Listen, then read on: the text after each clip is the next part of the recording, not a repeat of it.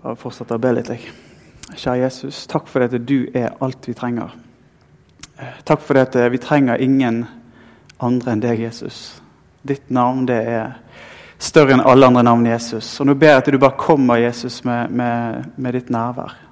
Må du sjøl være midt iblant oss. Og så ber vi deg, Hellige Ånd, at du skal åpenbare ordet ditt for oss nå, Jesus. Jeg ber Hellige Ånd at du skal være til stede. Eh, og herliggjør Jesus for oss. Amen.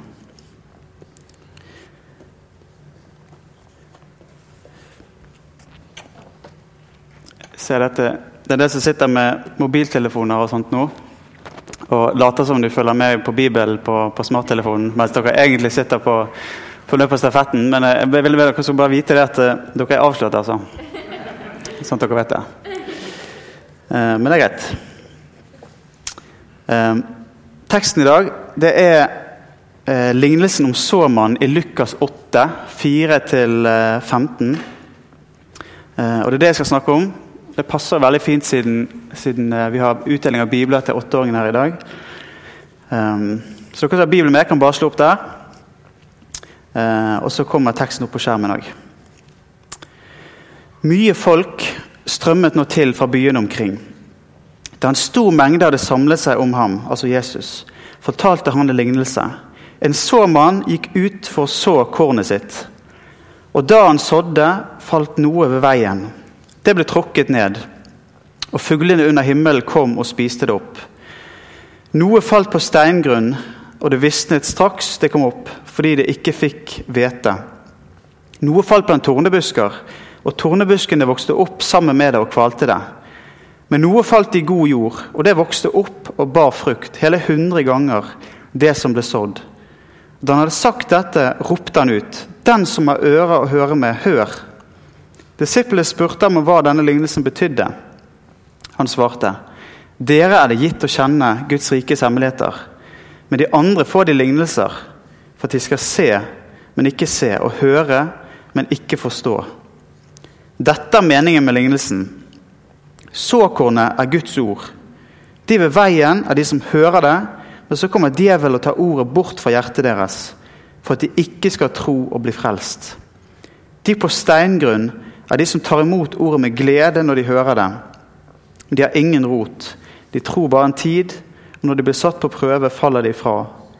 Det som falt blant tornebusker, er de som nok hører ordet, men som på veien gjennom livet kveles av bekymringer, rikdom og nytelser, så det ikke bærer fullmoden frukt. Men det i den gode jorden, det er de som hører ordet og tar vare på det i et fint og godt hjerte, så de er utholdende og bærer frukt. Jesus han er i Galilea, eh, i hjemtraktene sine. og Han snakker for en stor folkemengde som har kommet til for å høre på ham. Og Jesus han taler til dem i en eh, lignelse. Og jeg var, så litt på nettet for å finne ut hva, hva en lignelse er for noe. Og Da sto det i Store norske leksikon at det er et billedlig uttrykk, en sammenligning, noe som tjener til å anskueliggjøre en tanke, særlig brukt i Bibelen om enkle fortellinger som skal fremstille en sannhet, etisk lærdom eller lignende. I daglig språkbruk brukes lignelse om hele fortellinger som anvendes til, til å anskueliggjøre og forklare, f.eks. For Jesu lignelser. Altså, Jesus han bruker altså en dagligdags historie, en dagligdags situasjon, som de alle kunne relatere til, så de alle kunne kjenne seg igjen i. Og Han brukte det for å illustrere dype åndelige sannheter. Det var ikke bare fordi han ville fortelle fine historier til folk, men han ville fortelle et dypt åndelig poeng. Og Det er faktisk ganske sannsynlig at Jesus han, han eh, så en såmann kanskje, han, mens han snakket, mens han fortalte denne lignelsen. Han snakker om en sårmann, og så snakker han om fire slags jord som denne sårmannen sår i. Og Den vanlige jorden i Israel på denne tiden eh, det var delt opp i lange, smale striper eh, med stier imellom, som fungerte som eh, fremkomstveier. Da kan vi få opp et bilde av, av en eh, åker i Israel på den tiden. Eh, som kan illustrere noe av det som, jeg, eh, det som står.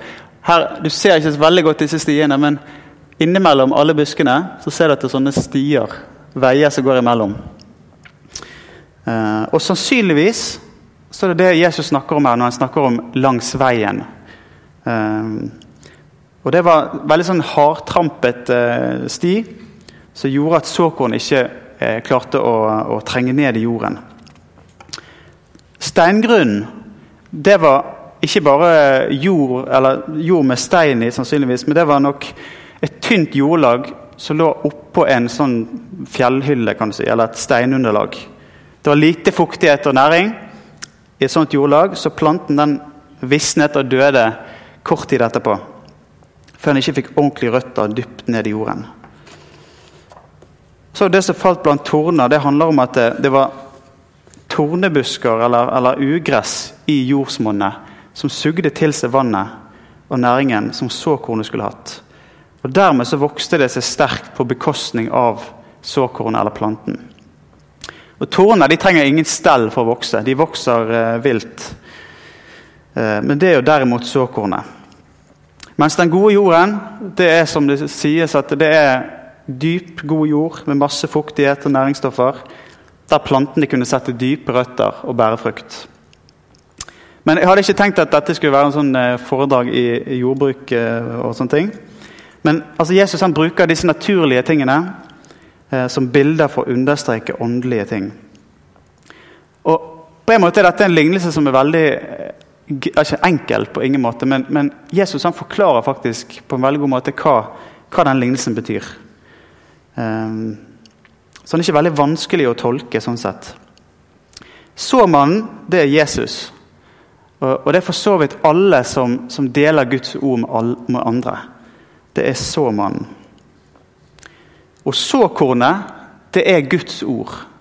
Eh, det er, det er, Guds ord. Og Nå skal vi bare lese noen av de andre eh, som var lesetekster til denne søndagen. Eh, som handler om Guds ord. Og Guds ord sin, sin kraft, sin spirekraft.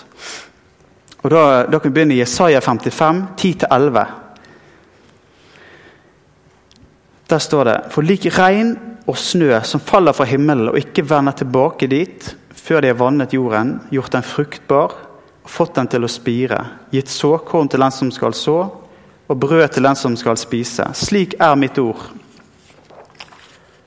som går ut av min munn. Det vender ikke tomt tilbake til meg, men gjør det jeg vil, og fullfører det jeg sender det til. Og så Hebreerne 4,18. For Guds ord er levende og virkekraftig og skarpere enn noe tveegget sverd. Det trenger gjennom til det kløver sjel og ånd, marg og bein, og dømmer hjertets tanker og planer. Her står det noen veldig sterke ting om Guds ord. Det står at det er levende, og det står at det er virkekraftig. Det står at det, det gjør det som Gud vil. Altså Det fullfører det som han sender det til. Det vender ikke tomt tilbake til Gud. Og når disse versene ble skrevet, så Guds ord det var faktisk Gamle testamentet, som det står om her. Um, men det gjelder jo selvfølgelig også hele Bibelen. Og Ordene i Bibelen de er innblåst av Gud. Innåndet av Gud. Han har blåst Den hellige ånd kan du si, inn i menneskelige ord. Inn i trykksverte og papir. Og så er det ikke bare menneskelige ord, men òg Guds ord. I 2. Timoteus 3,16 så står dette her at hver bok i Skriften er innblåst av Gud. Nyttig til opplæring, til rettevisning, veiledning og oppdragelse i rettferd. Så det mennesket som tilhører Gud, kan være fullt utrustet til all god gjerning. Hver bok i Skriften altså, er innblåst blåst av Gud. Har Den hellige ånd i seg. Og Det gjør at ordene er levende og virkekraftige.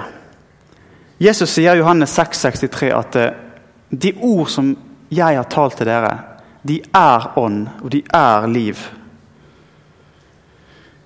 De inneholder Guds liv i seg. sånn at når vi leser Guds ord, når vi, eller hører det forkynt, så har vi direkte kontakt med Gud. Vi har direkte kontakt med Jesus. Vi har direkte kontakt med Den hellige ånd. Eh, av og til så ber vi sånn at eh, Jeg har gjort det mange ganger sjøl òg, men Av og til ber vi sånn at Gud, må du komme og gjøre ordet levende for oss. Eh, og Det er kanskje ikke, ikke, galt ment, men vet du hva? vi trenger faktisk ikke å be om det. For det at ordet, Guds ord, er levende i seg sjøl. Han har allerede gjort det. Um, det er ikke sånn at vi har Jesus på den ene siden, og så har vi liksom Bibelen sine ord eh, på den andre siden. Og så må vi på en måte be Jesus om å komme og, og gjøre disse tørre ordene her levende for oss. Um, det er ikke sånn. Når vi leser i Bibelen, så har vi direkte med Jesus å gjøre. Og Jesus kommer til oss gjennom ordene. Han kommer til oss på en måte inn i øynene våre og kryper inn i, i ørene våre når vi hører det og ned i hjertet vårt. Eh, og så blir han der. Og så skaper han frukt. Men selv om såkornet, eller Guds ord, er så kraftig at det til og med han sier at det inneholder hans eget liv, eh, så handler likevel denne lignelsen om en virkelighet der det bare er én av fire en av fire som hører det, som bærer frukt. Eh, og Det står ikke på Guds ord, for det er levende og virkekraftig. Men det, det, det står på jordsmonnet det såes i, rett og slett. Jordsmonnet det såes inn i har mye å si for om det blir vekst og frukt eller ikke. Og Jordsmonnet i denne lignelsen det handler om fire forskjellige menneskelige hjertetilstander. Det handler om deg og meg. altså. Det handler egentlig om alle mennesker som hører Guds ord. Og du kan si det sånn at det står for fire forskjellige måter å ta imot Guds ord på. I teksten så er det beskrevet fire grupper mennesker. Men det er ikke nødvendigvis sånn at, eh, at dette er, vi kan putte alle mennesker inn i en av disse båsene. Jeg er sånn, og du er sånn. Men det kan godt hende at de kan være disse forskjellige til litt forskjellige tider. Um, men ut fra teksten så gjelder dette alle mennesker som hører Guds ord, eller evangeliet. For strengt tatt så er det evangeliet som denne eh, lignelsen handler om. Evangeliet fordi det, det, er ingen som blir frelst av å høre bare om de ti bud, f.eks. Det er ingen som blir frelst av å lese om kriger i Det gamle testamentet. Selv om det er veldig nyttig det også, å lese om. Men det er budskapet om Jesus' sin død, oppstandelse, for våre synder. Det er det som er det som skaper liv. Det er det som er såkornet som, som bærer frukt. Og Det er det Jesus peker fram mot når han forteller den lignelsen. Selv om det ikke har skjedd ennå. Og Jesus sier rett ut at det er ikke alle som tar imot ordet. Det er ikke alle som kommer til å bli frelst. Men Denne lignelsen kan også brukes som eh, på oss. Eh, nå vet jeg ikke om alle her er, er frelst, men, men, det kan også brukes som kristne mennesker som hører ordet på forskjellige måter. Og Denne lignelsen kan være et sånt speil for oss, der vi kan prøve oss sjøl. Eh, hvordan, hvordan er jeg i forhold til Guds ord? Hvordan tar jeg imot Guds ord og hører det? For det er nemlig alle de fire hører ordet, alle de fire er i kontakt med, med såkornet, men det er ikke alle som virkelig hører det. Det er ikke alle som eh, tar imot det i hjertet sitt. Da kan vi begynne å, å gå litt gjennom de fire. Vi begynner med, med, de som er ved veien. De ved veien det er de som hører ordet. Men så kommer djevel og tar ordet bort fra hjertet deres for at de ikke skal tro og bli frelst. Og dette her er de som har et, et sinn som er lukket for evangeliet. Um, jeg vet ikke hvor mange som så på Dagsrevyen i går. Stellan Skarsgård. Uh, kjent svensk Hollywood-stjerne. Um, flott type på mange måter. Veldig dyktig skuespiller. Men han sa, han sa at han hadde lest gjennom hele Koranen og hele uh, Bibelen for å finne svar, som han sa. Og så Konklusjonen da, var at han skjønte ikke at noen mennesker i dag kunne lese disse gamle bronsealderreligionene og, og, stole på det som sto i disse bøkene. Han mente at, at, de som gjorde det, måtte ha et sånn intellektuelt handikap. var det vel han sa. Um, da tenkte jeg på dette med, med, et sinn som er lukket for evangeliet. Um, han har lest ordet, han har lest evangeliet, men det har ikke gått opp for ham. Det har ikke, det har ikke fått trenge inn i hjertet. Um, Luther han, han, sa det om, om denne uttalelsen av Jesus, at, at djevel kommer og tar, tar bort ordet.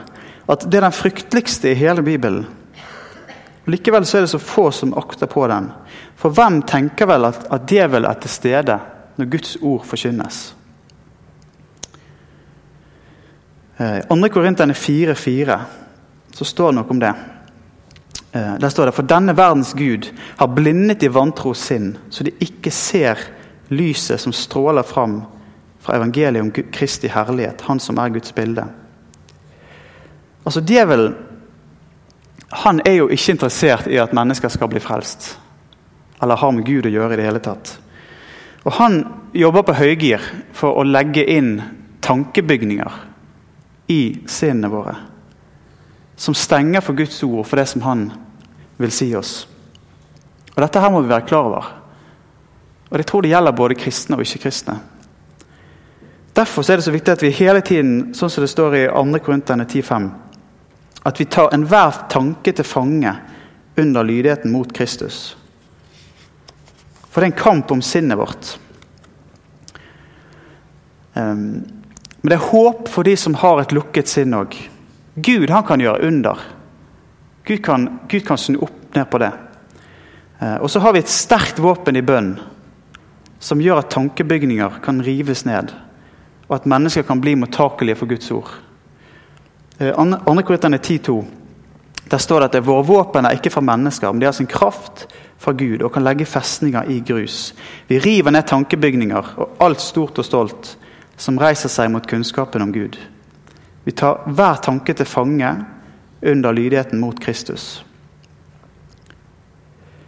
Eh, likevel så er dette en tankevekker for oss om at alle mennesker kommer ikke til å ta imot evangeliet. Og Det, det er på en måte noe vi må, det må være realistiske på. Eh, hvis vi skal ta Bibelen på alvor, så kommer ikke alle mennesker til å bli frelst. Og det kommer en dom til slutt, der de som ikke tok imot Guds utstrakte hånd, som er evangeliet, de kommer til å gå evig fortapt sammen med djevel og hans engler. Så dette er en veldig veldig, veldig alvorlig lignelse som har evighetsbetydning. Og den gjelder faktisk alle mennesker. Den andre gruppen det, det var de som var på steingrunn. Um, det er de som tar imot ordet med glede når de hører det. står det. Men de har ingen rot, de tror bare en tid. Og når de blir satt på prøve, faller de fra. Det er sikkert mange som har lest romanen til Bo Gjert som heter 'Steingrunnen'. Eh, og Den handler om denne lignelsen. eller det, det Tittelen er tatt fra den lignelsen. Og Steingrunnen det er de som tar imot ordet med glede med en gang når de hører det. Og Hun skulle jo tro at dette var det optimale, at man tar imot ordet med glede med en gang. Men det kan faktisk se ut som at det ikke er helt sånn likevel. Iallfall når det gjelder denne gruppen. Eh, for steingrunnen står for en, en følelsesmessig og en sånn overfladisk omvendelse hos mennesker som ikke egentlig har skjønt og regnet på omkostningene ved å ta imot evangeliet. Altså, det, det er en um, Det er tynt jordlag. Og når prøvelsene og forfølgelsene kommer, for det hadde jo ikke du regnet med, kanskje, så var det ikke lenger evangeliet verdt å holde fast på. Um, de gode følelsene og opplevelsene de var borte, og så faller de fra troen. Høres dette kjent ut? Jeg tror, jeg tror, dette er veldig beskrivende for en del av den moderne kristendommen som vi har eh, mye av i Vesten i dag. Eh, der veldig mye handler om følelser. Der veldig mye handler om, om meg og mitt. Eh, det handler om hvordan jeg skal få det enda bedre ved hjelp av Jesus. Eh, hjelp av kristendommen. Um, du ser det veldig mye av, av fremgangsteologi og sånne ting. Men du trenger ikke gå, gå dit for å finne det heller. Um, og Det er et tynt jordlag der, du, der man kommer til en slags tro. Men så er det et, et stort fjell under det jordlaget av egoisme og av meg og mitt som på en måte aldri har blitt tatt oppgjør med. Som aldri har fått uh, overgitt seg til Gud. Det er ikke en omvendelse som er dyp nok. Man har ikke dødd fra sitt eget selvliv. Um, og Jeg tror ikke vi trenger å tenke at dette bare er noe som gjelder noen andre. Jeg tror vi kan kjenne oss igjen i det, mange av oss. Uh, det gjør i hvert fall jeg. Um, jeg bytter ofte om rekkefølgen når det gjelder meg og Jesus. Um, Jesus blir fort en som eksisterer for at jeg skal få mine behov dekket. Uh, bønn blir noe som dreier seg og kretser om, om meg og mitt. Um, hvis vi skal ha en tro som, som tåler forfølgelse, så tror jeg vi må, vi må omvende oss. Um, og vi må se det at det er Jesus alene. Det er han som er alt det dreier seg om.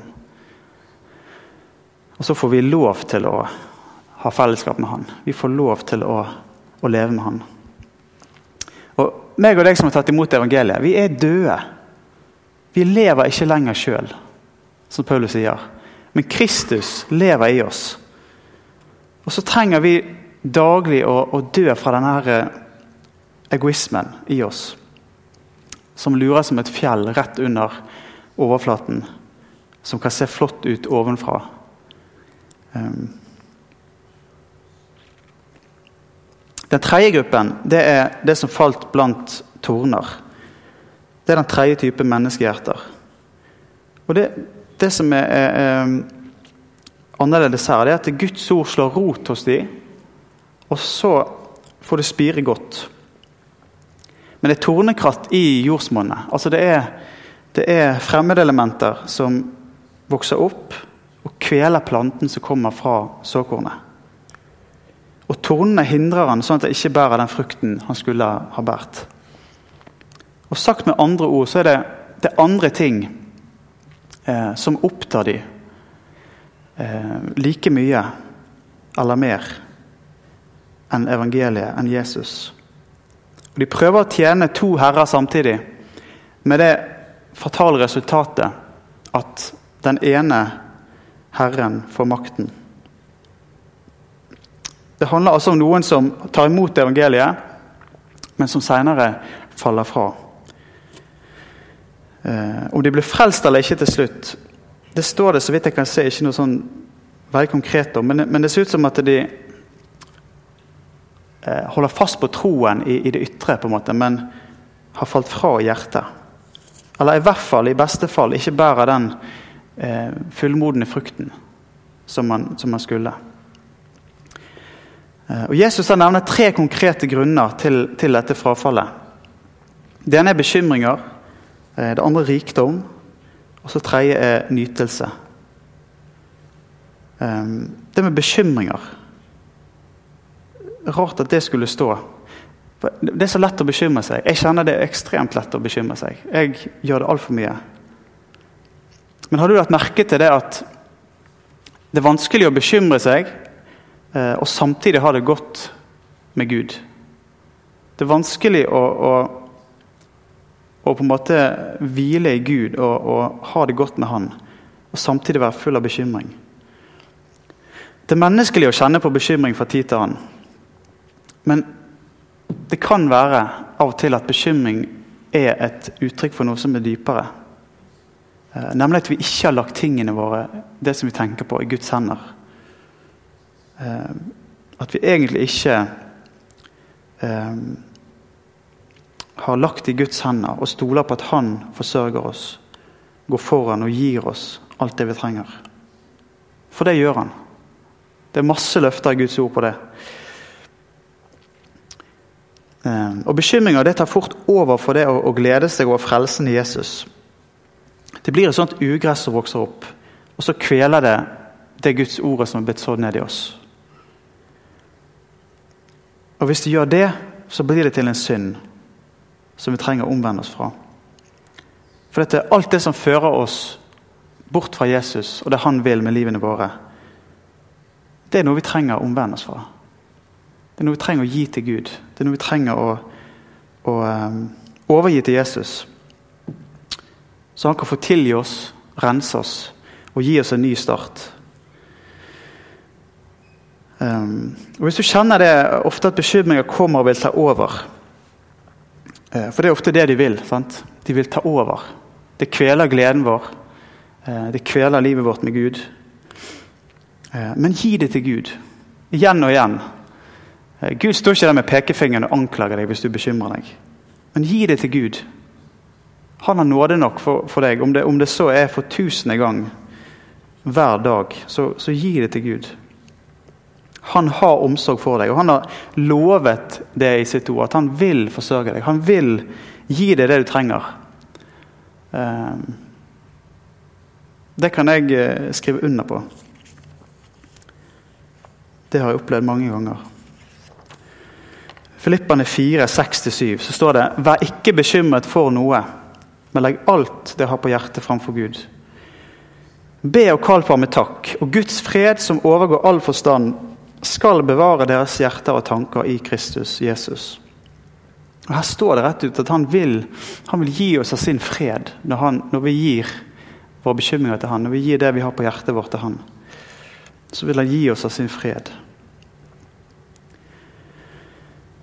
Det andre som Jesus snakket om i forhold til torner, det var rikdom. Jesus snakker ganske mye om at rikdom er en fare. Um, og Er det en fare som er nærliggende for oss kristne i Norge i dag, så må det være denne. Um, er det pengene i seg sjøl som er problemet? Nei. Jeg tror ikke penger i seg sjøl er noe ondt. Men, men, det som pengene gjør med oss, det må vi være på vakt mot. Um, og Hvorfor kan det være en fristelse å eie mye? Hvorfor kan det være farlig? Det kan være farlig fordi at vi kan begynne å få vår trygghet i tingene. Vi kan begynne å få vår trygghet i det som vi eier.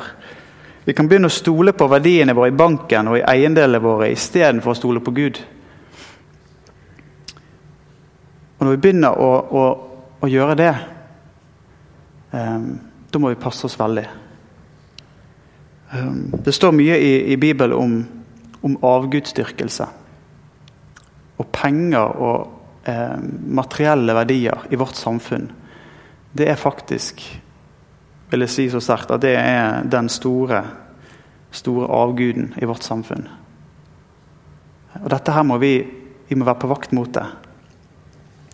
For det er noe som vil akkurat som bekymringene, det vil ta over livene våre. Det vil på en måte kvele eh, gudslivet. Og det vil, det vil, eh, det vil være Gud istedenfor Bibels Gud. Um,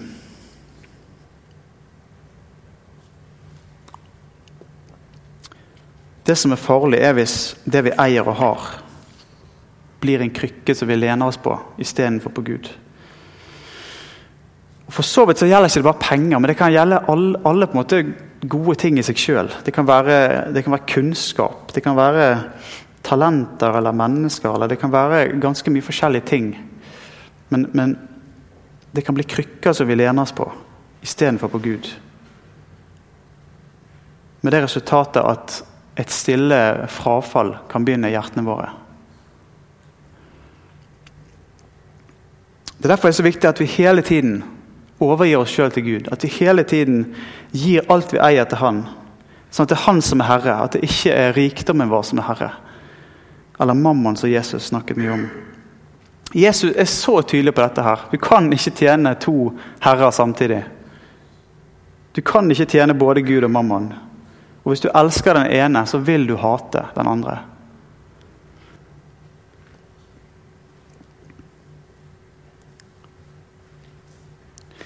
Eh, og tredje som Jesus nevner, det er dette her med nytelser. Og Det henger nok en del sammen med, med rikdommen. For det at vi har alt vi trenger, og vel så det, det gjør at vi har overflod til å bruke på oss sjøl. Til det som ikke bare er nødvendig, men til det som er bare nytelser. Eh, det som handler om at, om at vi skal ha det bra. Og det er ikke nødvendigvis galt i at vi skal ha det bra, det, det, det er gode ting. Men problemet blir hvis livet vårt blir en slags jag etter at vi skal ha det bra mest mulig hele tiden. Um, vi blir jo formet av det, vi, det, som er rundt oss i samfunnet vårt. Uh, vi ser jo på reklame kanskje hver dag, de fleste av oss. Og 'because you're worth it' er et slagord som blir brukt uh, for å selge diverse kosmetikkprodukter. Men jeg, tror det står for noe mer. Jeg tror det er på en måte noe som Hva skal vi si Reklamebransjen og, og den pengemaskinen der vil pøse på oss. Uh, du er ikke egentlig god nok i deg sjøl. Du trenger dette her, og du er verdt det. Um,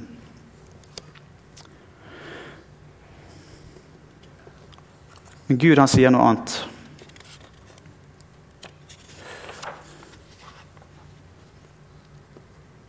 Um, det, som, det som er farlig, er hvis vi hele tiden prøver å skape selv, mest mulig lykke for oss sjøl her og nå. Istedenfor å leve for den verden som kommer. Istedenfor å leve for den himmelen som vi har i vente, og bruke vår tid og våre ressurser på en sånn måte at flest mulig blir med oss til den himmelen. Det er faktisk det vi er kalt til. Det er det vi er kalt til. Den tiden vi har på jorden, den er for ingenting å regne i forhold til den evigheten som vi har i vente himmelen. Og Den tiden vi har på jorden, må vi bruke for å få med oss flest mulig til himmelen. Men felles for disse tre eh, tingene er at de er ugress. Det er torner som kanskje stille og umerkelig i begynnelsen vokser opp og kveler det såkornet fra Gud som sådd hjertene våre, sånn at det ikke bærer den fullmodne frukten som det skal. Så er man kanskje kristen fremdeles. Um, men de fruktene som, som er beskrevet i Guds ord, Eh, de bærer vi kanskje ikke. Men hvis det er deg, så er det likevel håp. Hvis det er deg, så kan du bli den gode jorden, du òg. Og vi kan bli det, alle sammen. Eh, hvis vi omvender oss fra de bekymringene som vil kvele oss, rikdommen som vi stoler på, og nytelsene som vi setter over Gud, hvis vi omvender oss fra disse tingene, og hvis vi omvender oss til at Gud skal være vårt alt, så vil han komme, og så vil han bli det. Så skal du og jeg få være sånne som bærer fullmoden frukt. Jeg tror ikke Jesus snakker om at de som er den gode jorden, er noen bedre mennesker enn noen andre. Jeg tror Jesus vil at vi alle skal være god jord. Så til slutt så var det noe som var den gode jorden. Men det i den gode jorden, det er de som hører ordet og tar vare på det i et fint og godt hjerte, så de er utholdende og bærer frukt. Og Dette er det, den hjertetilstanden som Jesus ønsker at vi alle skal ha. Eh, det er de som virkelig hører ordet. Det er de som ikke bare hører det med ørene sine, men de faktisk de lytter med hjertet. De lytter til Gud. Hva du vil si meg nå, Gud. De ønsker å forstå ordet. Men ikke bare sånn rent intellektuelt sett, men de ønsker å ta vare på det i hjertet sitt. De ønsker ikke bare å, å være og høre en tale i ny og ne eh, på et søndagsmøte, men de, de, trenger, de, må søke til kilden. De må søke til Bibelen på egen hånd. Eh, og de ønsker Eh, kanskje ikke alltid får det til, men de ønsker å finne måter å bruke tid med Bibelen i hverdagen sin på. Midt i alt det travle. Eh, og så hører ikke de bare ordet og forstår det, men de, de, innretter seg etter det. De ønsker å innrette seg etter det. De ønsker å handle på det for å leve et liv i etterfølgelse av Jesus. Og så er det sånn som Maria, at de, de har skjønt at uansett hvor mye som trenger å gjøres, så er det én ting som er viktigere. og det er å sette seg ned ved Jesu føtter. Og De har skjønt at hvis de skal utrette noe av verdi i denne verden, her, så er de avhengig av å leve nært Jesus. For uten Jesus kan de ingenting gjøre, som det står i Johannes 15. Og hvis de møter prøvelser og forfølgelser, så holder de fast på troen, for de har møtt en frelser som er så god mot dem at han er verdt å til og med dø for hvis det skulle være nødvendig. Og Hvordan kan vi bli som dette her? Hvordan kan vi være god jord for det ordet som Jesus vil så inn i oss? Er det sånn at vi skal ta oss sammen og bli enda flinkere kristne? Jeg tror ikke det. Jeg tror det begynner med noe av det som jeg snakket om for en, en måned siden. At vi trenger å overgi oss på nytt til Gud. Vi trenger å, å kapitulere inn i hans armer og si til han at vet du hva, jeg klarer ikke dette her på egen hånd. Jeg klarer ikke dette kristenlivet. Vet du hva, Det er ingen mennesker som klarer å leve etter Bibelen. Det er derfor Jesus kom. sant? Han kom ikke bare for å, å tilgi oss én gang, men han kom for å tilgi oss hver dag, og han kom for å leve det livet i oss og gjennom oss som vi ikke klarer. Så handler det om å slippe han til. Det handler om å åpne seg opp for at han kan få lov til å, å gjøre det. Det handler om å si til Gud at eh, 'jeg gir deg egoismen min, Gud. Jeg gir deg pengene mine. Jeg gir deg bekymringene mine. Jeg gir deg nytelsessyken min. Og må du, Gud, komme og gjøre god jord ut av min steingrunn. Må du komme og gjøre god jord ut av mine tornebusker. For det kan han gjøre. Må du komme og være alene herre i mitt liv, Jesus. Um, og Kanskje er du her som ikke har tatt imot Jesus. Jeg vet ikke. Men Jesus han har gjort alt for deg. Alt du trenger å gjøre, er å bare ta imot. Og alt det rotet som du har i livet ditt, det trenger ikke du rydde opp i først. Kom til Gud med det. Han, han kan rydde. Du blir aldri god nok for Gud hvis du skal prøve å rydde opp før du kommer til Han. Det gjelder om du er kristen eller om du ikke er kristen. Kom til Gud med en gang. Han vil at du skal komme akkurat sånn som du er. For han levde nemlig et liv som var bra nok. Jesus han levde et perfekt liv på denne jorden. Og han levde det livet istedenfor deg. Han levde livet istedenfor deg. Så når du leser om det livet som Jesus levde i Bibelen, så skal du få lov til å faktisk si at det er mitt liv. Du kan ha frimodighet i ditt kristenliv pga. at Jesus sitt liv på jorden har du fått. Jesus sitt liv er ditt liv. Jesus, han er alt du trenger. Han tok alt det rotet som vi har i våre liv, den synden, med seg opp på korset. Han tok alle bekymringene våre. Han tok rikdommen vår, egoismen og alt som ikke bærer frukt. Og så sa han til Gud det var jeg som gjorde det. Det var jeg som drev med avgudsdyrkelse, Gud. Straff meg for det. Det var jeg som var egoistisk, Gud. Straff meg for det. Og Jesus han smakte faktisk Guds vrede over din og min synd. Det var det som var den største pinen til Jesus, som han ba å få slippe på korset. Det var Guds vrede over din og min synd. Og alt som vi trenger å gjøre, er å ta imot og si takk, Jesus. Takk for det livet du levde for meg. Takk for den døden du døde for meg. Så får du Guds nåde. Du blir født på nytt.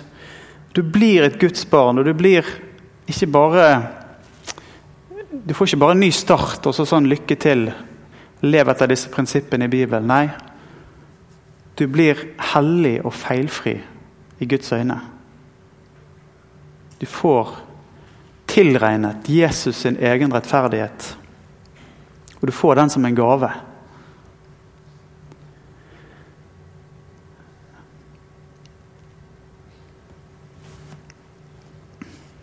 Kjære Jesus, takk for ditt verk på Golgata. Takk, Jesus, for at du gikk i døden for våre synder, våre mangler, våre feiltrinn. Alt som vi er og ikke er. Som ikke er etter din standard, Jesus. Det gikk du i døden for. Det var ikke bare det at vi var litt, litt på, på villspor, Jesus, eller det var noen små ting som ikke vi klarte å å leve opp til Jesus, men vi var faktisk fortapt. Takk for at du reiste oss opp fra døden sammen med deg, Jesus. At du har satt oss i himmelen sammen med deg. Um, og så har jeg lyst til å be Jesus at du skal tale til hjertene våre. At du skal vise oss hva slags hjertejord vi har, hver enkelt av oss. Jeg har lyst til å be om at de skal få lov til å overgi alle de tingene som vi har, Jesus, som, som kan hindre og kvele det, det, ordet som du vil skal bære frukt i oss. Du ser mange av oss har hørt mye Guds ord og lest mye Guds ord, Jesus. Jeg har lyst til å be om at det skal få bære frukt, Jesus. At det kan være full frukt. Og takk for at det gjør det, Jesus. I rikt mål hos, hos eh, så mange, Jesus. Jeg har lyst til å be om at de i enda sterkere grad kan, kan eh, bære frukt i oss alle sammen, Herre. I Jesu navn. Amen.